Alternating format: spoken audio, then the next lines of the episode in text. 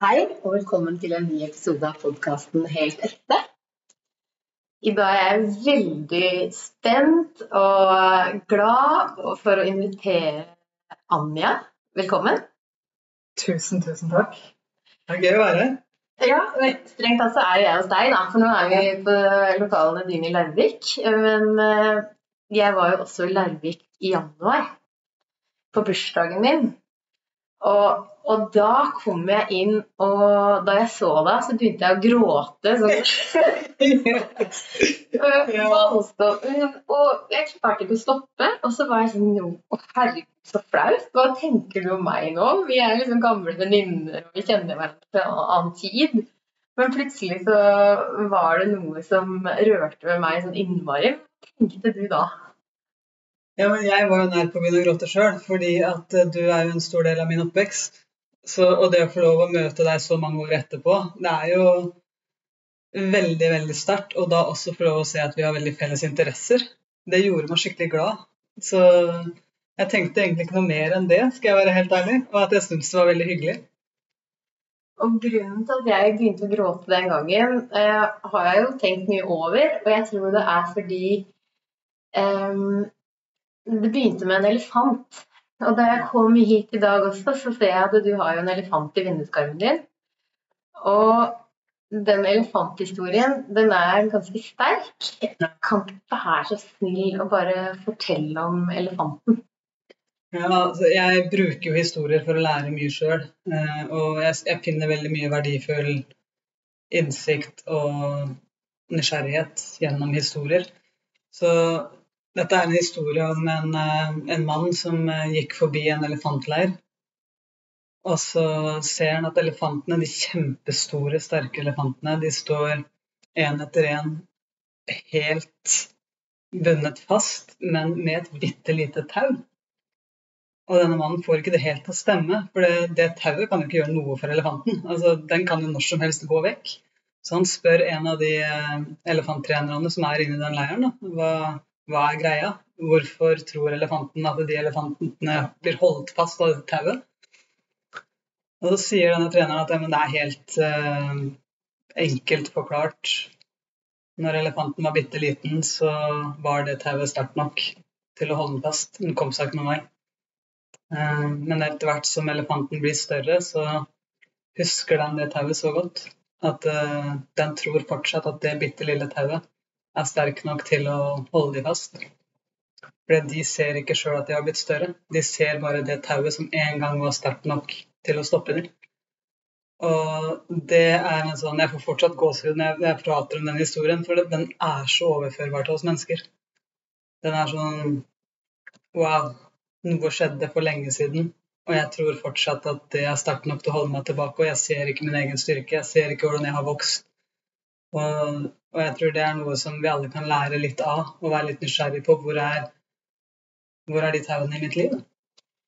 Jeg jobber mye med mange som har tung bagasje og mm. mange vanskelige opplevelser. Så når jeg kan om psykologi, så er dette her Selvfølgelig er det sånn. Selvfølgelig vet jeg at det er mye underbevisstheten som eh, gjør at vi har innlærte mønstre som gjør oss til å føle at vi føler ting, og dermed eh, tenker ting, og dermed så handler vi på en måte som vi alltid har gjort. Og for å endre det mønsteret, så må vi jo bli kjent med hvilket tau da, som holder oss eh, tilbake. Ja. Og det var det første jeg husker jeg hørte på i podkast der. Så var det sånn, ja, altså ble det noen sånne Og det der mantraet ditt som går igjen med hva hvis det er mulig, da. Det også har vært en sånn uh, hjernevask er gjerne noe glad av men, men det, hvis man først skal bli hjernevaska, så er jo det en veldig fin uh, ting å bli hjernevaska av. Og så var det også da etter at jeg begynte å bli Jeg har fulgt med på deg en god stund, siden egentlig vi slutta med håndball. Jeg har hørt med mammaen din, som var en del av min oppvekst. Veldig sentral for min oppvekst, som har vært viktig for meg.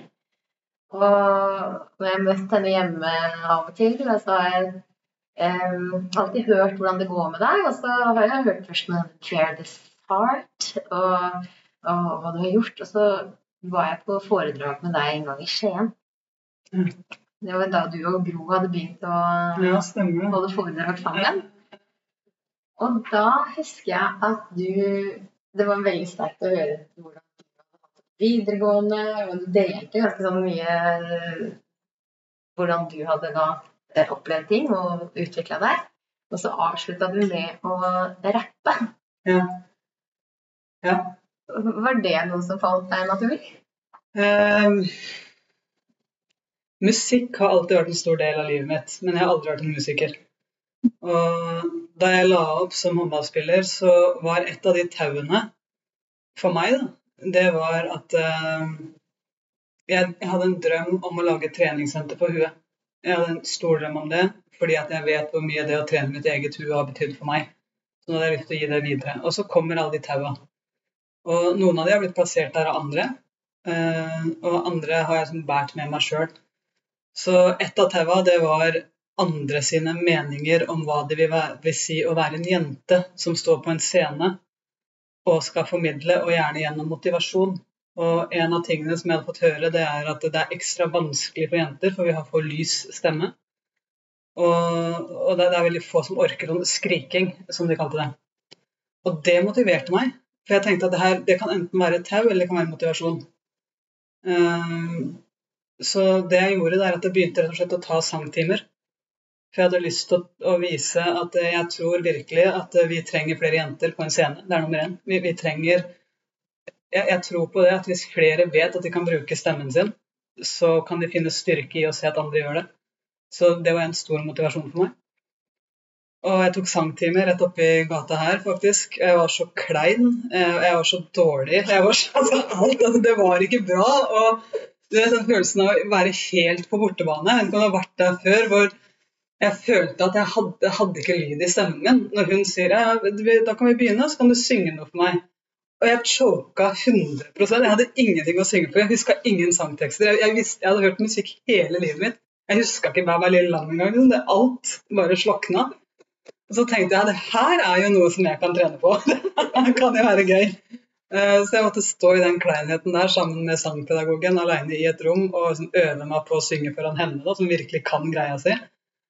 Og så gjorde jeg det også, ikke fordi at jeg nødvendigvis har lyst på en sangkarriere, for det er ikke der, men jeg tror at når jeg skal stå på en scene, så kan musikk berøre på en annen måte. Og, og derfor hadde jeg lyst til å lage en låt sammen med en annen som var med på den låta, som kan synge bedre enn meg, da, så jeg tok rappeversjonen. Men, eh, men litt av motivasjonen for det òg, det var å rett og slett trene opp min egen stemme til å både kunne være myk, men også dyp. Mørkere når jeg trenger det.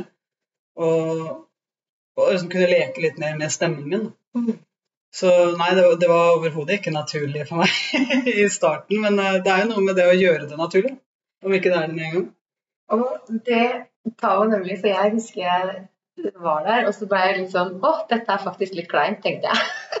Men, men, det er akkurat det. Det å være så sårbar og gjøre noe helt nytt som man ikke nødvendigvis bare så, så, husker jeg satt der og gråt, for det var så sterkt. Bare at du, du, delte noe som var så Det budskapet i sangen var så bra. Og så måten du bare gjorde noe du hadde lyst til å dele med alle. Ja. Og det var så fint. Og, og det inspirerte meg igjen uh, med denne denne buddhaen som du også forteller mye om i podkastene dine. Mm. Uh, og som også, for jeg føler det er en ganske sentral del av det du bygger mentaltreningen rundt. da. Mm. Mm. Og den, kan ikke du også fortelle eh, om denne buddhaen? Hva mm. den er eh? Jeg syns det er gøy at du har lyst til å høre historier. Det her er, det her er min favoritt. Ja. jeg elsker jo historier. Uh, ja, det den buddha-historien den handler egentlig om å finne hva som er ekte inni deg. Og, og, noe av det som jeg tror er viktig med den historien, det er at vi, vi har alle mennesker et, ganske begrensa antall år på denne jordkloden. Vi, vi tror og vi hører fra Disney-filmene sånn fra vi er liten, og så levde de lykkelig i hele evigheten, liksom, i alle sine dager. Og evigheten i den kroppen her, den, den er ikke evig.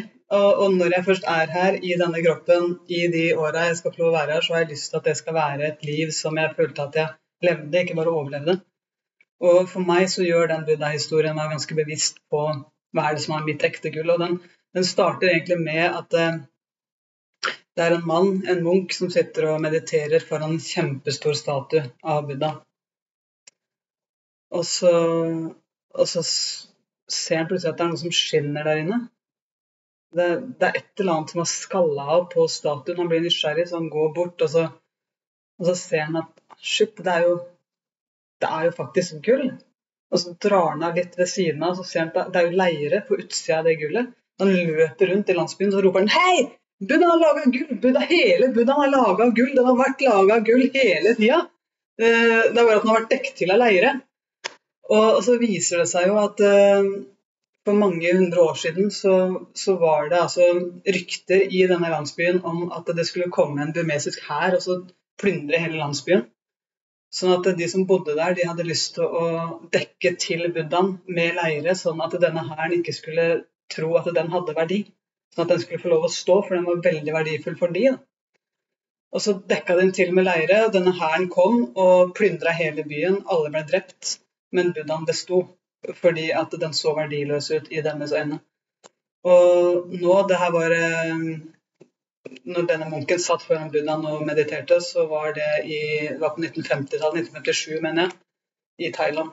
Og grunnen til at han satt der sånn, det var fordi at den, det var siste gang han kunne være der, fordi den skulle fraktes videre. De skulle flytte på den.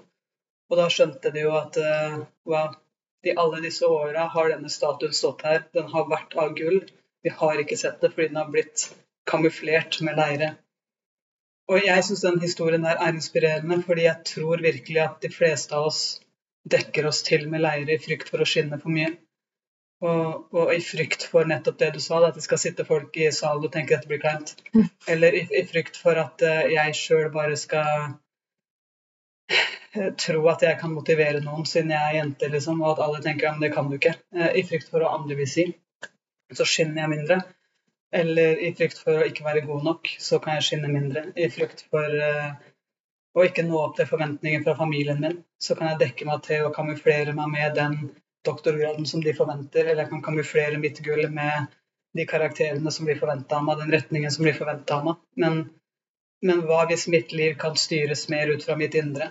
Og istedenfor å jakte det gullet på utsida sjøl, som jeg har vært en del av i mange år, den gullmedaljen, liksom, som òg er kjempebra, men enda bedre i det øyeblikket intensjonen kommer fra noe som er ekte, og ikke fra kamuflasjen. Så jeg tror egentlig at kamuflasjen stresser oss mer. Eh, og, og når vi da begynner å kamuflere oss, så, så blir vi mer stressa enn glad. Selv om vi tror at den beskytter oss fra et eller annet. Den beskytter oss fra å være sårbare. Den beskytter oss fra å bli latterliggjort, så vi kamuflerer oss mer og mer. Men egentlig så tror jeg den også kamuflerer for at vi på ekte kan skinne. Og det er jo når du forteller her, at du har en sånn meditativ stemme, og som jeg da var Jeg har jo vært med i det alternativ å bruke disse øvelsene og lytta ordentlig. Jeg satt faktisk ned og lytta. Mm. Og det i mitt liv som har vært ganske hektisk, det å sette seg ned og lytte til en podkast. Det var ganske unikt i seg selv. Men da jeg satt meg ned og lytta, og så satt jeg Eller faktisk så bretta jeg klær samtidig, da. Men jeg stoppa å brette klær på et tidspunkt. Og så satt jeg og gråt, og tårene rant. For jeg skjønte at eh, jeg har gått rundt og holdt noe inni meg for å late som jeg har vært normal. Jeg har holdt meg inni den boksen. Eh, Og når du forteller om hvordan du hadde det på ungdomsskolen, med at det var mye frustrasjon i det at jeg vil ha det bra nå, Mm. eh, så tenkte jeg at eh, jeg også På utsiden så så det kanskje ut som jeg var russepresident, jeg hadde en stor gjeng. Jeg var liksom på en måte definisjonen definisjon på det å ha det bra, da. Mm. Samtidig så var det noe jeg dekte over for å være i den rollen. Mm. Og, og da når jeg har skjønt det at jeg er glad i å synge, jeg er glad i å danse, jeg er glad i å formidle, men det er å være litt rar. Mm. Og da når jeg kritiserer deg og tenker herregud, det her er litt kleint, Mm. så, er det, så er det da at jeg blir litt nysgjerrig på hva er det som gjør at jeg syns dette er kleint. Er det fordi at jeg er redd for å være den personen? Mm. Så på den måten har du inspirert meg til å tørre, da. Mm. Og, og det er jeg så innmari takknemlig for. Ja, jeg, jeg syns det har vært eh, en reise sjøl, eh, og, takk for at du sier det. Men det, er jo tror jeg, da, eh, ikke en unik greie vi sitter og prater om der. Jeg tror det er noe som alle kjenner seg, eller ikke alle, men veldig mange kjenner seg igjen i. For vi er ikke vant til å tappe inn i nysgjerrigheten rundt hva er gøy for meg. Hva, hva gjør jeg når jeg føler meg i flow? Når jeg opplever at jeg mister tid og sted. Hvem er jeg sammen med da? Hva prater jeg om da? Hva, hva elsker jeg å gjøre, og hvordan prioriterer jeg tida mi til å gjøre mer av det? Jeg tror egentlig at vi lever i et samfunn hvor vi tenker at ja, hvis jeg skal rundt og gjøre det jeg elsker hele tida, det er helt urealistisk. Det er sånn eh, tau nummer én i veldig mange liv. Eh, et annet tau det er jo at eh, hvis jeg skal gå rundt og gjøre alt jeg elsker hele tida, så er det egoistisk. Det er et gigatau for veldig mange. Eh, og, og, og det er jo, syns jeg, kjempefascinerende. For hvis jeg gjør det jeg elsker, så så kjemper jeg for det. Og, og det, det, er så viktig. Når jeg gjør det jeg elsker, så kjemper jeg for det. Når jeg er sammen med mennesker jeg elsker, så kjemper jeg for de. Og, og da da kan jeg håndtere ganske mye oppturer, ganske mye nedturer, ganske mye arbeid, ikke minst. Jeg vil ikke føle at jobben min er stress, fordi jeg ser det ikke på som jobb. Og, og, og det gjør at jeg kan håndtere ganske mye mer motstand, fordi jeg kjemper for noe jeg oppriktig elsker. Og, og når jeg i tillegg da tar utgangspunkt i hva jeg elsker, og hvordan kan det bidra for andre når, når, de to er styrende for meg, så har jeg det bra. Og så ser jeg også at når jeg legger meg på kvelden, hvis jeg kan ha påvirka ett annet menneske positivt i dag, så har jeg gjort en god jobb. Og da har jeg bidratt. Så den ene sangen jeg vet ikke om du, kan, du kan ikke forestille deg hvilke øyeblikk det har ført til for meg, fordi det nettopp handla om å være sammen, altså være den jeg er. da. Og, og, det traff veldig mange eh, LHBT pluss-mennesker ekstremt godt rett i hjertet, for de kjenner seg igjen. Mm. Og, og, for mange, så, som de sier, vi har spilt av den sangen på repeat. Det betyr så mye å høre de orda. Mm. Så det her var ikke for at jeg skulle skinne, eller for at jeg skulle vise hvilken nydelig sangstemme jeg har. Når, når jeg gjør det jeg elsker, det er å skrive. Jeg elsker å formidle. Det elsker jeg. Og hvis jeg kan bidra for andre, helt topp. Mm. Så den pakka for meg, det gjorde det verdt det. Og det er jo da grunnen til at du har starta Heart Mentality. Mm. Kan ikke du fortelle, fordi Jeg har fått tilbakemeldinger etter å ha prata masse om min vei og dette gjester. Mm. Så drar jeg jo inn litt poenger, og mange av dem kommer fra Heart Mentality og det du forteller om. Eh, men så det, fikk jeg noen spørsmål. Du forteller hele tiden om at du har gjort en mentaltreningsreise. Men hva er det du har gjort? Og, og hva betyr det egentlig? Og hvordan gjør jeg det samme? Mm. Og da eh, tenkte jeg nå at du skal fortelle hva hard mentality er, og hva, hvordan det kan brukes for de som ønsker å begynne å utforske mer. Mm. Hard mentality er et treningssenter som vi har lagt inn i en app som gjør det mulig for deg å gå inn og trene nå. Enten på mindsetet ditt, eller hvis du kjenner at du trenger ro. Så har vi meditasjoner, visualiseringer, den biten der inne. Uh, og grunnen til at vi ville lage det, det er at uh, jeg opplever enormt mye god forskning. Det er så mange studier som viser og peker på hvordan det å trene huet har en effekt i livet ditt i forhold til hvem du er når du er alene med deg sjøl, og hvordan du har det oppriktig på innsiden når du er alene med deg sjøl, men også hvordan du har det når sammen med andre mennesker. Og, og det er jo, tror jeg, vanvittig bra å lese mye om, altså de studiene der, og forstå de, og virkelig da tenke at ja, jeg, jeg har en god grunn. Men der det stopper opp for mange, det er OK, hvor tar jeg det herfra? Hvordan trener jeg det her?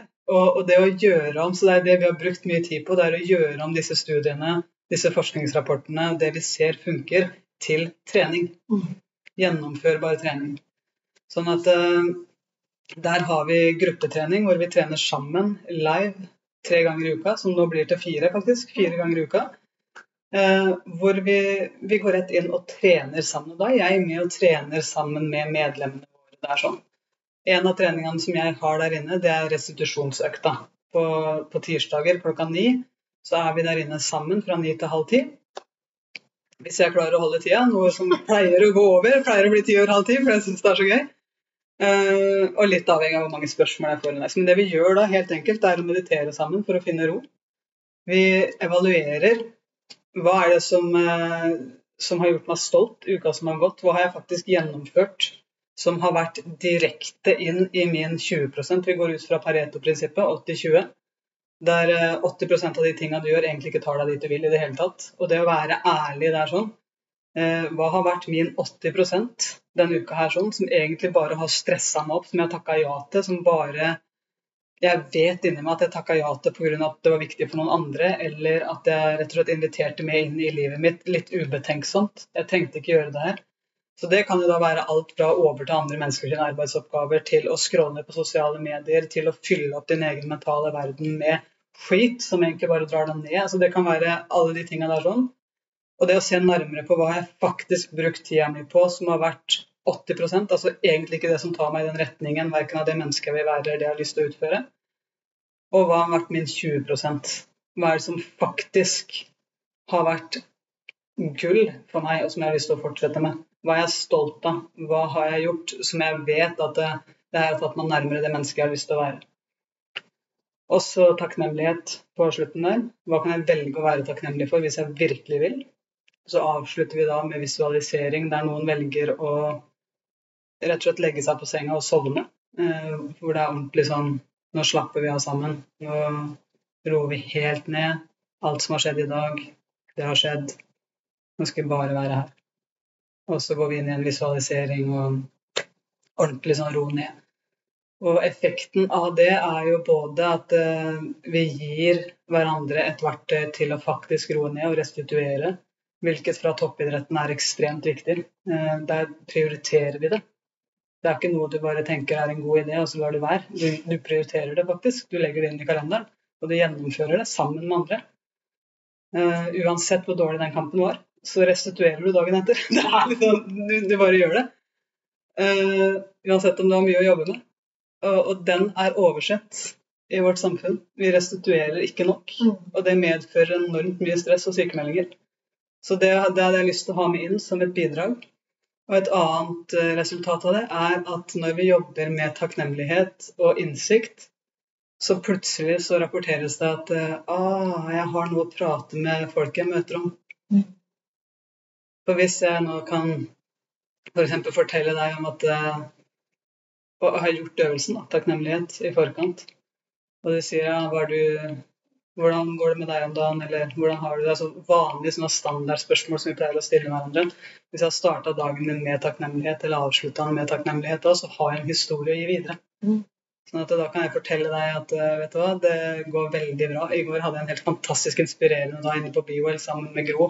Hvor jeg sto der på scenen ved siden av henne, og jeg kjente at det, eh, det å få lov å høre henne prate foran andre mennesker, det gjør meg oppriktig stolt. For jeg elsker hennes budskap fortsatt etter at vi har vært sammen i 13 år. Liksom og kjenner hvordan hun hele tida oppdaterer seg og oppgraderer det hun sier. og Det inspirerer meg. Så da, pga. at jeg har gjort den øvelsen, så kan jeg prate om det her i timevis sammen med deg. Vi har noe inspirerende å prate om. Mm. Så det er vårt bidrag. Det, det, får mennesker til å vokse innenfra og ut. da. Og her er det så mye fint, for du har jo også snakka om det å snakke fra hjertet. Mm. Det som du nevnte det å være bevisst også. Og da, når du setter grenser for deg sjøl, for det er for å plukke bort, mm. for å respektere deg selv, mm. så klarer du å si at det kan jeg ikke i dag. Men hvis det er så, så, så snakker du fra hjertet om hvordan man har en avvisning, f.eks. Uh, ja, du tar ansvar for deg sjøl. Det kjenner jeg på. Det er derfor jeg er så veldig glad for at du takka ja til å møte meg i dag. Jeg vet at det er, det er ja. Og for et par episoder siden så hadde jeg eh, i somatisk psykoterapi. Det er sammen med en som var koseparties, fun parties. Ja, det så jeg at du hadde lagt ut. Jeg var så nysgjerrig på tørten ennå, men det, det gleder jeg meg til å høre. Ikke for å fornærme noen av de andre gjestene mine, men det er en av mine favorittepisoder. fordi der går så mange spennende temaer inn i ett tema. Og der går det på det der med at når du lærer de grensesettingene sammen Man øver på å sette grenser for seg sjøl. Og når du da eh, kan si nei, så når det er et ja, så vet du at du stoler på at det er et ordentlig ja. Så da er ikke jeg her og lurer på om jeg opptar din tid, og du og jeg helst skulle vært et annet sted. For da stoler jeg på at dette her betyr noe også for deg, og at du ønsker å gjøre dette her oppriktig. Og, og den derre Og det er sånne ting som vi Alle disse følelsene av historiene våre som vi ikke tenker at andre tenker, de er liksom borte. Man klarer å gjøre det du sier, snakke fra hjertet. Og bare være oppriktig. Det blir et mye mindre komplisert liv. Ja, det trenger ikke å være så vanskelig. Nei, det er sant, det. Jeg gleder meg til å høre den, eh, den der, altså. Det, så veldig gøy ut. Og det husker jeg også vi var på det foredraget med, med Gro, at eh, vi snakka om et, eh, en som kom hjem fra jobben, satt til rundt matbordet og prata om hvordan sjefen hadde bare letta på henne nye oppgaver.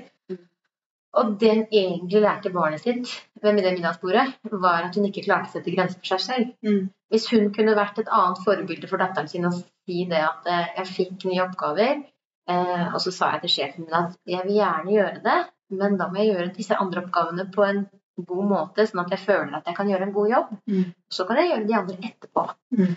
Bare være tydelig i hva den som gir deg en oppgave, kan forvente. Og så sette grenser for deg selv, sånn at ikke du har det stresset oppi hodet og har altfor mye oppgaver. For det er faktisk ditt ansvar å passe på ditt eget hode og din egen kropp. Ja. Og det er det jeg syns er så kult, da, for det gir et verktøy til å faktisk jobbe ordentlig med å ta ansvar for eget liv. Mm. Ja, det, jeg tror eh, vi trenger å være mer og mer bevisst på det. For nå, altså La oss ta samfunnet vårt da, som eksempel. Eh, hva er det vi egentlig lærer ungene sine, og inne på barn nå? da? Vi ønsker jo, mange av oss ønsker å være der når vi er der. Her er jeg nå, det er her jeg skal være. Men veldig mange voksne legger jo ikke vekk jobben sin. Sånn De kommer hjem, og så jobber de litt mer hjemmefra. Mm. Og veldig mange voksne ledere setter heller ikke grenser for sine medarbeidere, sånn at en mail klokka sju på kvelden blir forventa besvart hos mange. Mm. Eh, Selv om det kanskje er kvalitetstid før leggetid med barn, egentlig. Og hvor kommer det fra? Altså, hvor, hvor starter det? Hvordan kan, vi, hvordan kan vi gå inn og være litt nysgjerrig på det med et litt åpent sinn? Da? Og det kan vi bare se på oss som familie. Vi har to barn. Han ene han har lekser. Hva er det han blir lært opp til? Jo, du er ferdig på skolen, men du er egentlig ikke ferdig. Det er det han blir lært opp til. Mm. Du må fortsette jobben når du kommer hjem.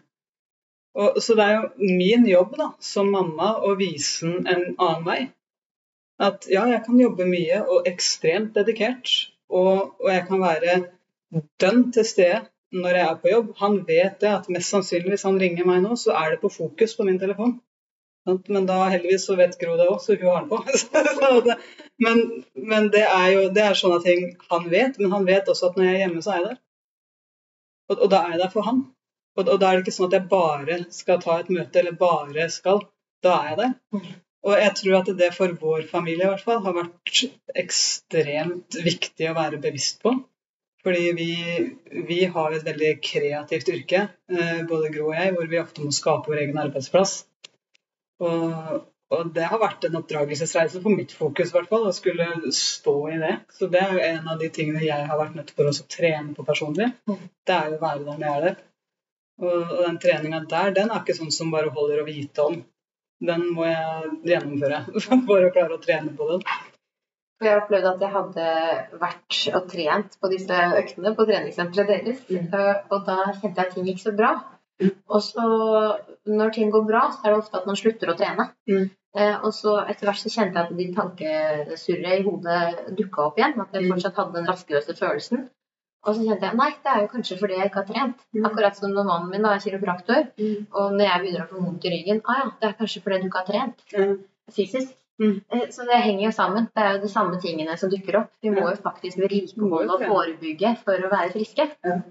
Husker du når vi spilte håndball sammen? Det var jo ikke sånn at mamma var, mamma var treneren vår. At vi bare kunne si jo, det er kjempebra for dere å jogge. Og at vi bare sånn OK, men da tenker vi på at vi jogger, og så får vi bedre kondis. Vi måtte jo faktisk ta på oss skoa og løpe. Det, det, det er da det funka. Så, så det er mye kraft bak visualisering òg. Og det å bare sitte og meditere blir ikke veldig sterk i beina av det. Nei. Og det er et viktig poeng. eh, For vi bruker jo masse meditasjon i, i vår tilnærming. Men meditasjon tar deg jo ingen vei. Nei. Eh, Det tar deg masse, det gjør masse for deg, men det betaler ikke regningene dine. Det, det løser ikke opp i konflikten med kjæresten din. Du må fortsatt ha en samtale. Og, så, og det er jo av, et av de produktene som vi har i appen, og som vi er ekstremt opptatt av å formidle. For vi er jo meditasjonsentusiaster. Sant? Men jeg vet det at det er bare én hånd. Du trenger begge hendene. Du trenger action. Så vi har laga et produkt som heter Meditaction. Meditasjon som fører deg inn i action. Og, og det, sånn som nå på mandag for eksempel, skal jeg ha en time med det i vårt treningssenter. og da jeg gjør jo den samme treninga sjøl, så jeg elsker jo å lage treningssenter der jeg sjøl kan trene. Samtidig som jeg er coachen. Da. Det er jo fantastisk. Men eh, nei, da mediterer vi sammen. Og så forplikter vi oss sammen. Og i den meditasjonen så, så blir det sånn Hva er du faktisk nå forplikta til å gjøre i løpet av den neste halvtimen? Hvor starter du? Eh, skru av altså, Før vi starter, så det glemte jeg å si, men før vi starter, så har du fortalt alle i dine omgivelser hva som nå skal skje. Du er utilgjengelig i 45 minutter. Og det informerer du nabokontoret om, det informerer du kjæresten din om, det informerer du barna dine om. Det gjør du fysisk ved å sette telefonen din på ikke forstyrr. Ved å ta bort notifikasjoner på Mac-en. Du har tissa før vi starter. Fylt opp kaffen før vi starter, sånn at ingen av de blir et problem. Eh, med mindre du har et problem med det underveis. Og nå har du forplikta deg til 45 minutter her sånn.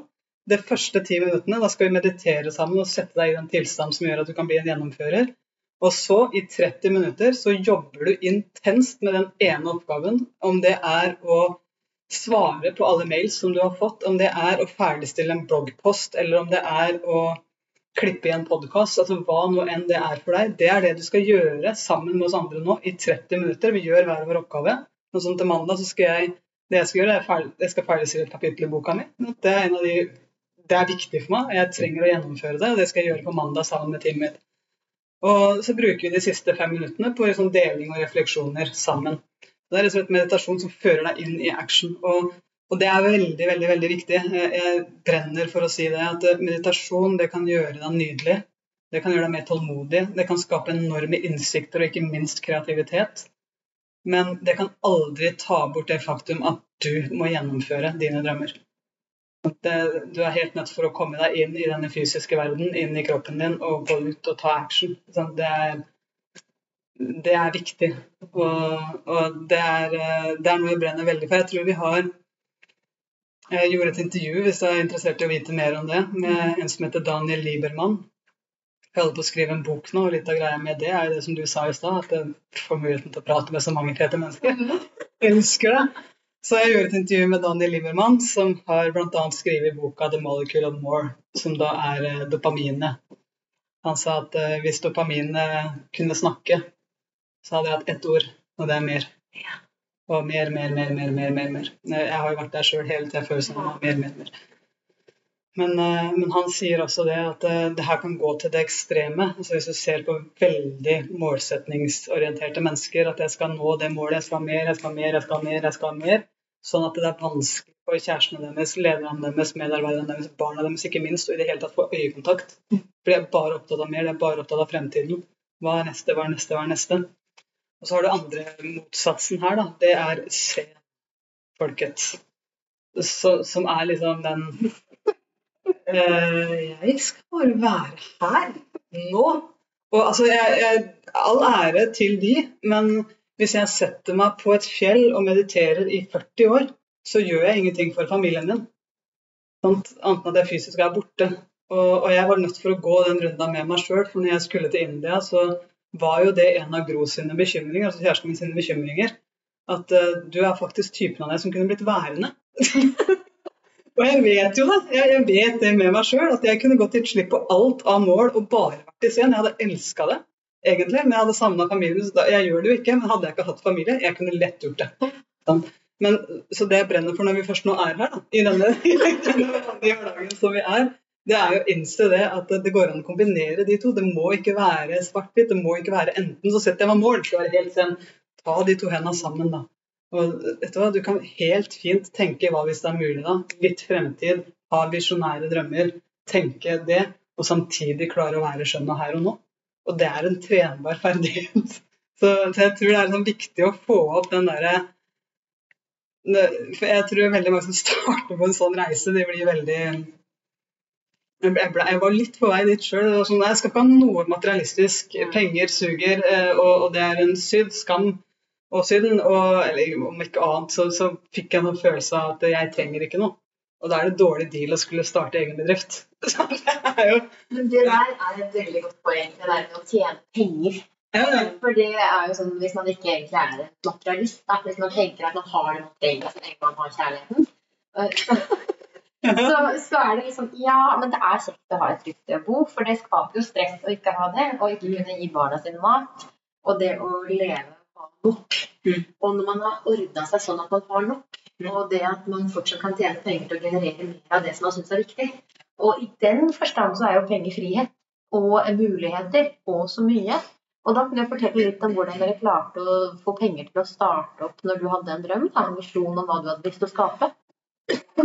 Ja, det er egentlig spennende, fordi at eh, vi eh, Jeg kan fortelle én historie hvor hele det pengemindsetet snudde for meg. Eh, som ble litt viktig, for jeg var en av de som tenkte at jeg trenger ikke noe.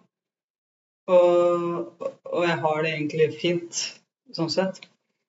Og så fikk jeg den gaven til det mindsetet, da, som var at korona kicka inn. Og jeg ble anbefalt til alle nå må du permittere deg. Fordi alle events, alle liveshows, alle foredrag, alle sceneopptredener, alt er kansellert. Og det er egentlig alt du gjør. Så sånn sett, permitter deg. Det her var før vi hadde starta med dette treningssenteret. Og så fikk jeg noen følelse av at det jeg, jeg ble redd for at jeg kom til å visne hvis jeg skulle permittere meg. Eh, Så, så jeg tok kontakt med en investor og sa til han at eh, jeg har en idé. Og, og jeg kommer til å, å trenge hjelp økonomisk hvis jeg skal kunne gjennomføre den ideen. Er du villig til å være med på laget? Og han setter seg sånn tilbake og så sier han hva trenger du? Og det her var et ganske høyt sekssifra beløp, altså. Eh, og jeg var vant til å forhandle på mine håndballklubbers vegne. Jeg har sittet i sånne settinger før, men aldri for min egen del. Da fordi jeg har lyst til å redde klubben min. Men nå var det sånn at jeg har en idé, og jeg trenger penger fra deg for at jeg skal kunne iverksette den ideen. Sånn hadde jeg ikke gjort før. Og, og når jeg da møtte han med 'hva trenger du'? Altså, han møtte meg med 'hva trenger du'? Og jeg fikk den summen av han, sånn at vi kunne starte det som ble forprosjektet til Heart Mentality nå. Så snudde alt. For da tenkte jeg som i den takknemligheten der at uh, Vet du hva? Jeg har lyst til å tjene penger sånn at jeg kan gjøre det jeg elsker, men jeg skal hjelpe folk. Jeg skal kunne sette meg sjøl i den situasjonen der jeg kan stille det spørsmålet til andre mennesker. Hva trenger du? Fordi at eh, det fins vanvittig mange mennesker der ute med gode ideer som tenker det kan aldri gjennomføres, vi har ikke pengene. Mm. Og, og sannheten er at du trenger ikke pengene. Du trenger ideen, så er det noen andre som har pengene. Og hvis jeg kan nå faktisk begynne å tjene penger, så kan jeg være den som hjelper til. Så allerede nå så har vi fått lov til, Gro og jeg, å investere i selskaper som har en idé, men ikke pengene. Og jeg er jo ikke i nærheten av, av hans økonomi i det hele tatt, men jeg har fortsatt muligheten til å bidra litt. Og det inspirerer meg. Det gjør meg sånn oppriktig wowete glad og stolt. Mm. Fordi at eh, både så har jeg klart å snudd på et mindset om at jeg er en som ikke trenger penger, og så har jeg klart å snu det til at det er noe av det mest egoistiske jeg har tenkt. Mm. Fordi at hvis jeg har penger, så kan jeg bidra. Og det gjør meg mye mindre egoistisk. Da. Så, så, så det er Ja, jeg ble oppriktig glad. Det er Egentlig. Ja. For det er jo sånn det er. Ja. Og, og det er jo en av mine Det som gjorde på en måte at jeg åpna øynene veldig, var at jeg ble introdusert til en filosof som heter Mm. Og hun har jo skrevet det som på en måte er kapitalismens bibel. Eh, og, og det er det her hun prøver å fortelle i sin filosofi. Mm. Men pga. at eh, vi er så forma av hva det stygge kapitalistiske monsteret, Ja. egoismen som noe forferdelig negativt som ødelegger oss mennesker, Mm. så vil hun, hennes poeng aldri komme fram. Mens hun forteller det veldig godt i en bok som heter 'Kildens utspring', der det handler om kreativitet og integritet som liksom det som er av verdi i mennesket. Da. Og hvis du da jobber hardt, og skal du ta deg godt betalt og tjene de pengene som ting koster, sånn at du har råd til å ikke jobbe på spreng hele tiden. Men du har også, som du sier, da også mulighet til å, å, å jobbe skikkelig når du gjør det. og dedikere deg sånn skikkelig til det du elsker å gjøre. Og så har du mulighet til å hjelpe andre når de kommer i den posisjonen du sjøl var da du ikke hadde midler til å gjennomføre det du ønska.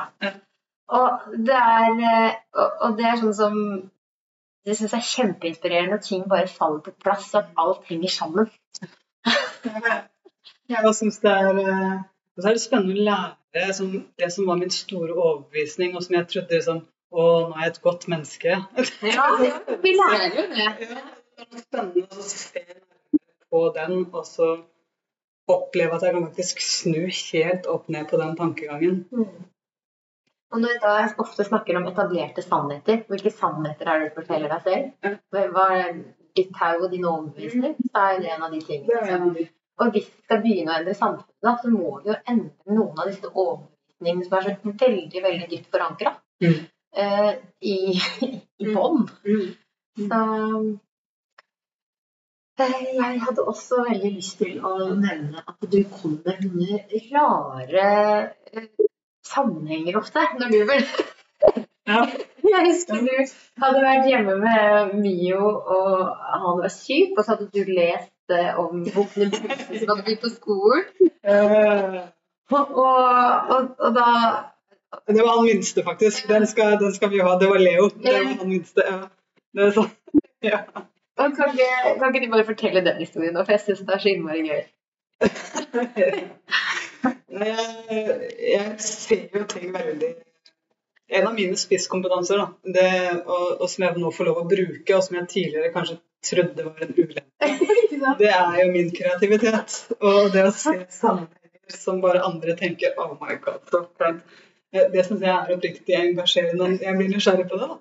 Så jeg satt der, og Leo var sjuk, og vi leste 'Bukken og Bruse begynner på skolen' for sikkert 20. gang på to dager. Og jeg begynte å kunne den her utenat. Og du vet, når du har øvd mye på en ting, eh, så begynner du å flowe litt.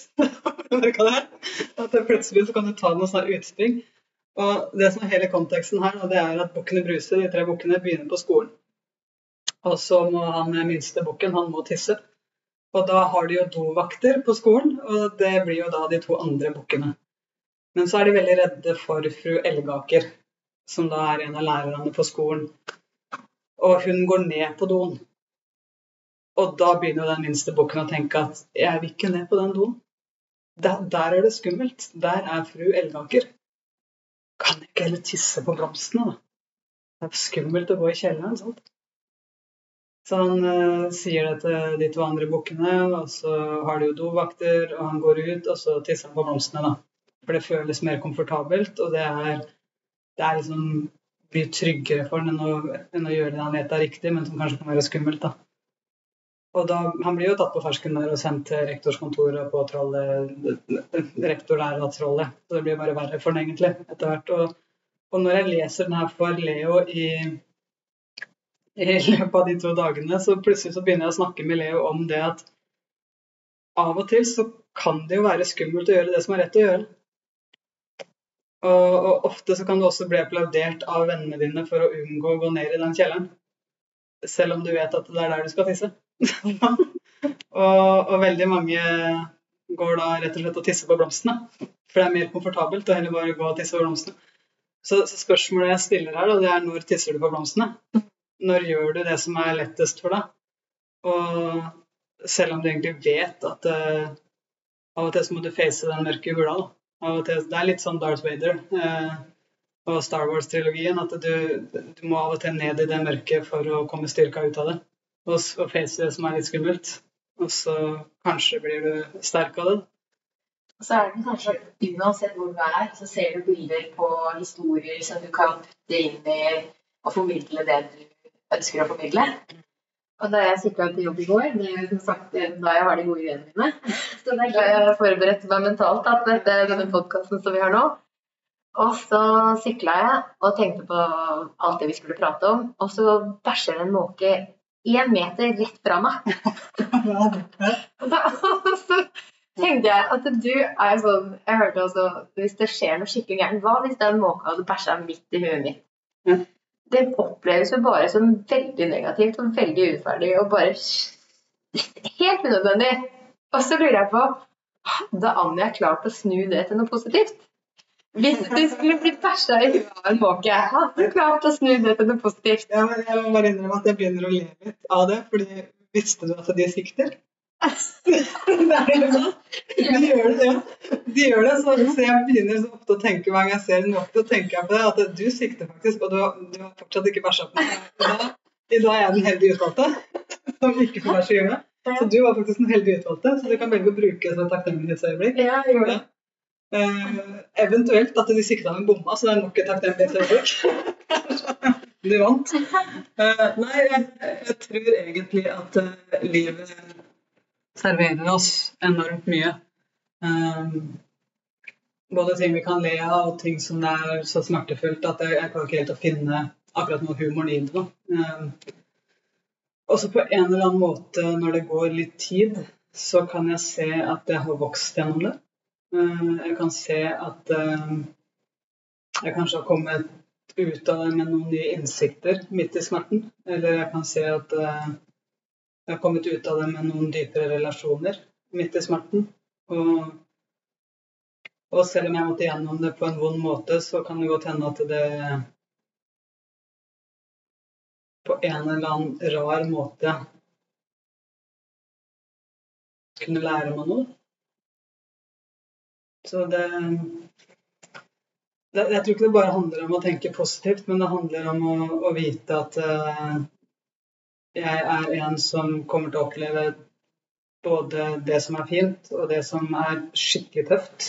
Og, og at jeg er en som kan stå i det, og, og kan um, være der sammen med andre mennesker, våge å slippe andre mennesker inn, våge å være sårbar i det, men fortsatt kjempe meg gjennom det. Da. Og, og skape en eller annen form for indre styrke gjennom det. Og at jeg ikke er en som gir opp. Og det, det tror jeg er kanskje noe av det mest positive mindset jeg kan ha. Det er, det er litt av grunnen til at jeg bl.a.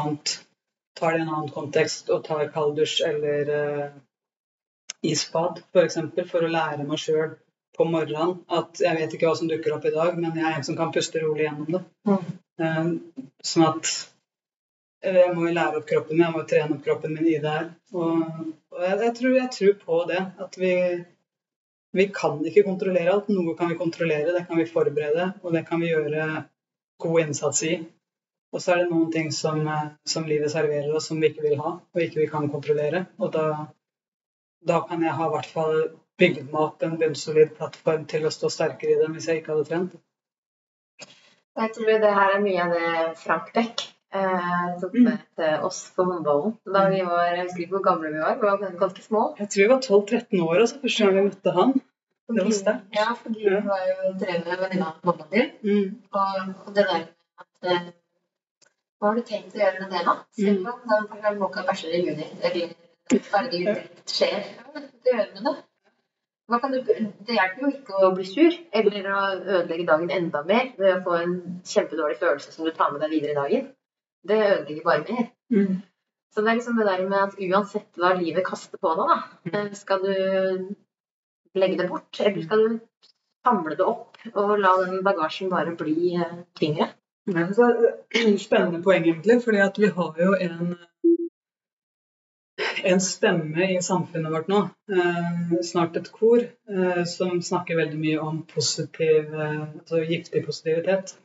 At eh, det, det kan rett og slett bli for mye positivitet, og det blir fryktelig slitsomt. Mm. Og, og, og det er ikke det det handler om. Det handler ikke om at eh, at uh, du har det vondt, så da skal jeg bare si ja, ja, ja, du, det går over. Alt som kommer over. Det er, det er ikke det det handler om. Uh, eh, å, presse folk som har det vondt, til å føle seg bra. Det ikke, for meg så er ikke det nødvendigvis det, da, men det handler om å ikke dyrke det som er vondt, heller. Og vite at Jeg vet ikke nødvendig Har du hørt den historien om de to pilene? Nei. Skulle jeg avslutte med det? Ja. Ja, ja. Det var en mann som gikk til Buddha og spurte Og jeg har ikke fått bekrefta det, må jeg bare si, eh, men jeg sier Buddha fordi det er, jeg har hørt det så mange ganger at det er Buddha som har sagt det her. Men man kommer i hvert fall bort til Buddha, og så sier han at uh, uh, Begynner å klage. Begynner å snakke om hvor forferdelig livet er. Og så sier Buddha hva Hvis noen skyter en pil i armen din, er det vondt? Ja. Det er vondt. Ok. Men hvis noen skyter en pil samme sted på armen din, blir det da enda verre? Ja, det blir faktisk enda verre. Ja. Og så er da svaret at uh, du kan aldri kontrollere pil 1. Det kan, det kan, godt hende at du får noen skudd. Det kan godt hende at du får den ene pila i armen, at det er vondt, at det ikke er noe du har bedt om. Men, uh, og det er smerte. Men lidelse, det er det som oppstår når du sjøl skyter pil nummer to. Og du sjøl setter den pila der fordi at du graver deg ned i det som har vært. Og, og, det er litt sånn som jeg tror mange gjør f.eks. på arbeidsplassen når det skjer noe kjipt, eller de leser om noe kjipt i media. Det er pil én. Pil to er når du snakker om det hele tida. Mm. Sånn at du kjenner den følelsen om igjen og om igjen og om igjen og om igjen. Og om igjen. Og, og som dyrker den. Og, og det er noe av det jeg syns var spennende både med Frank Beck og med andre teknikker fra idretten. Det er at vi, vi later ikke som at det ikke har skjedd, men vi La oss si at uh, du har gjort en feil, eller jeg har gjort en feil på en idrettsbane. En teknisk feil i idretten får vi lov å si feil, for det er, det er faktisk det der. Det er en teknisk feil.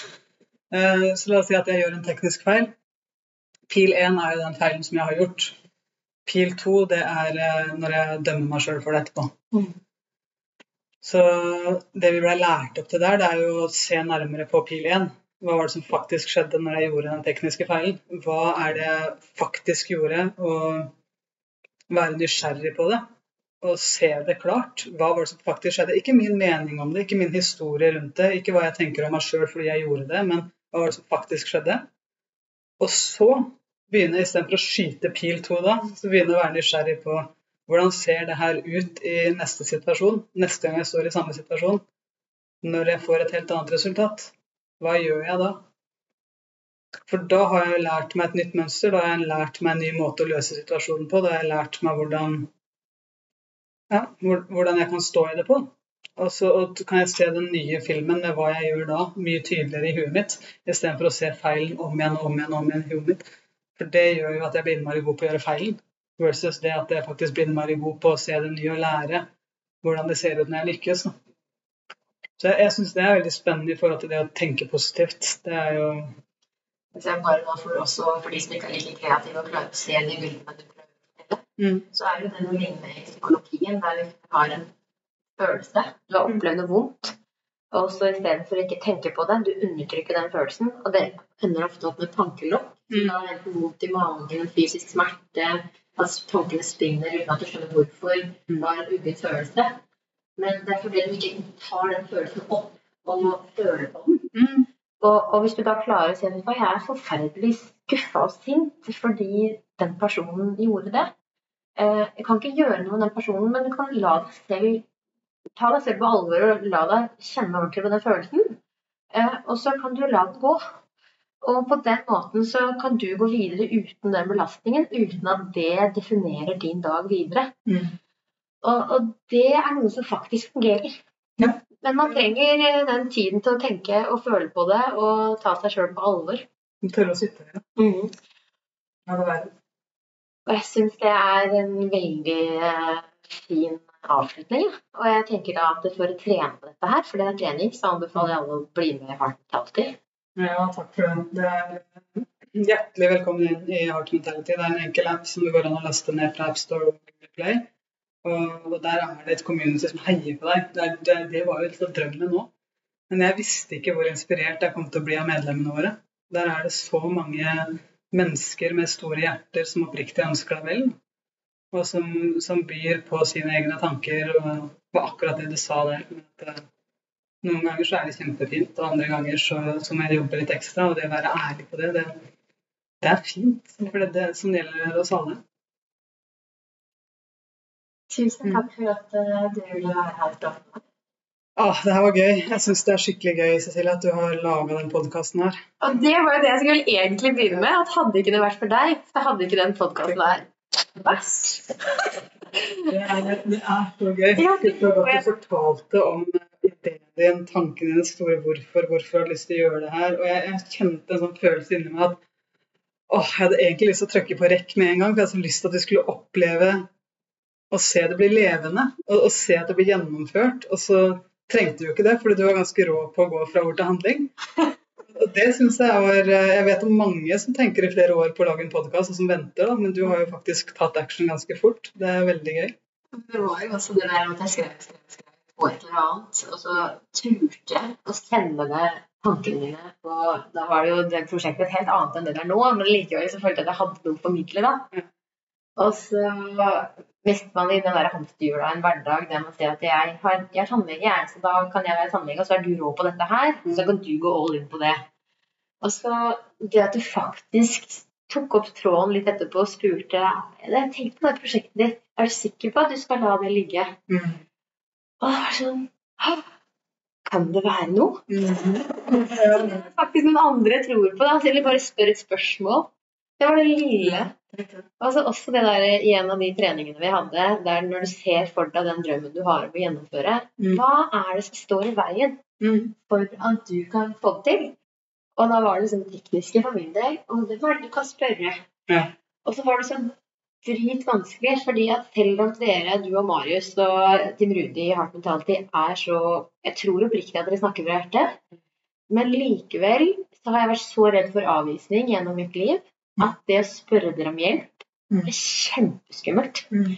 Så det å sende av gårde en eh, forespørsel til Marius om hjelp, da hadde jeg så stressfullt. Jeg følte meg herregud, så dum jeg er. Og herregud, skal jeg spørre han om hjelp til det? Jeg kjenner jo ikke han. eller- Og, og det var så vanskelig. Og så møter jeg bare en herlig heia, kom igjen. eh, Det har vært så viktig for meg. Ja, så gøy å høre. Jeg tror vi alle trenger det, da. Og vi kan alle være det òg. For det er jo gøy når mennesker skaper fra sitt gull. Sant? Sånn som du gjør her. Du gjør det jo på din måte. Du gjør det jo ikke som meg.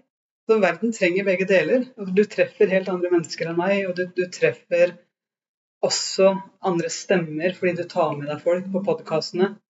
Og det er så viktig. Det, og jeg er helt sikker på at det inspirerer deg mye òg. Å få lov å å få så mye ulik input. og bare på et år, det er faktisk ganske nøyaktig et år siden nå, jeg begynte å tenke at podkast skulle bli.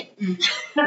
Og så nå er det jo da et prosjekt fra podkast til eh, ph.d., som er doktorgrad. Som er Kanskje. Hvorfor ikke? Hva hvis det er mulig, da? Selv jeg med et susete hode kan få noe på papiret som kan gjøre at eh, noen tar meg på alvor.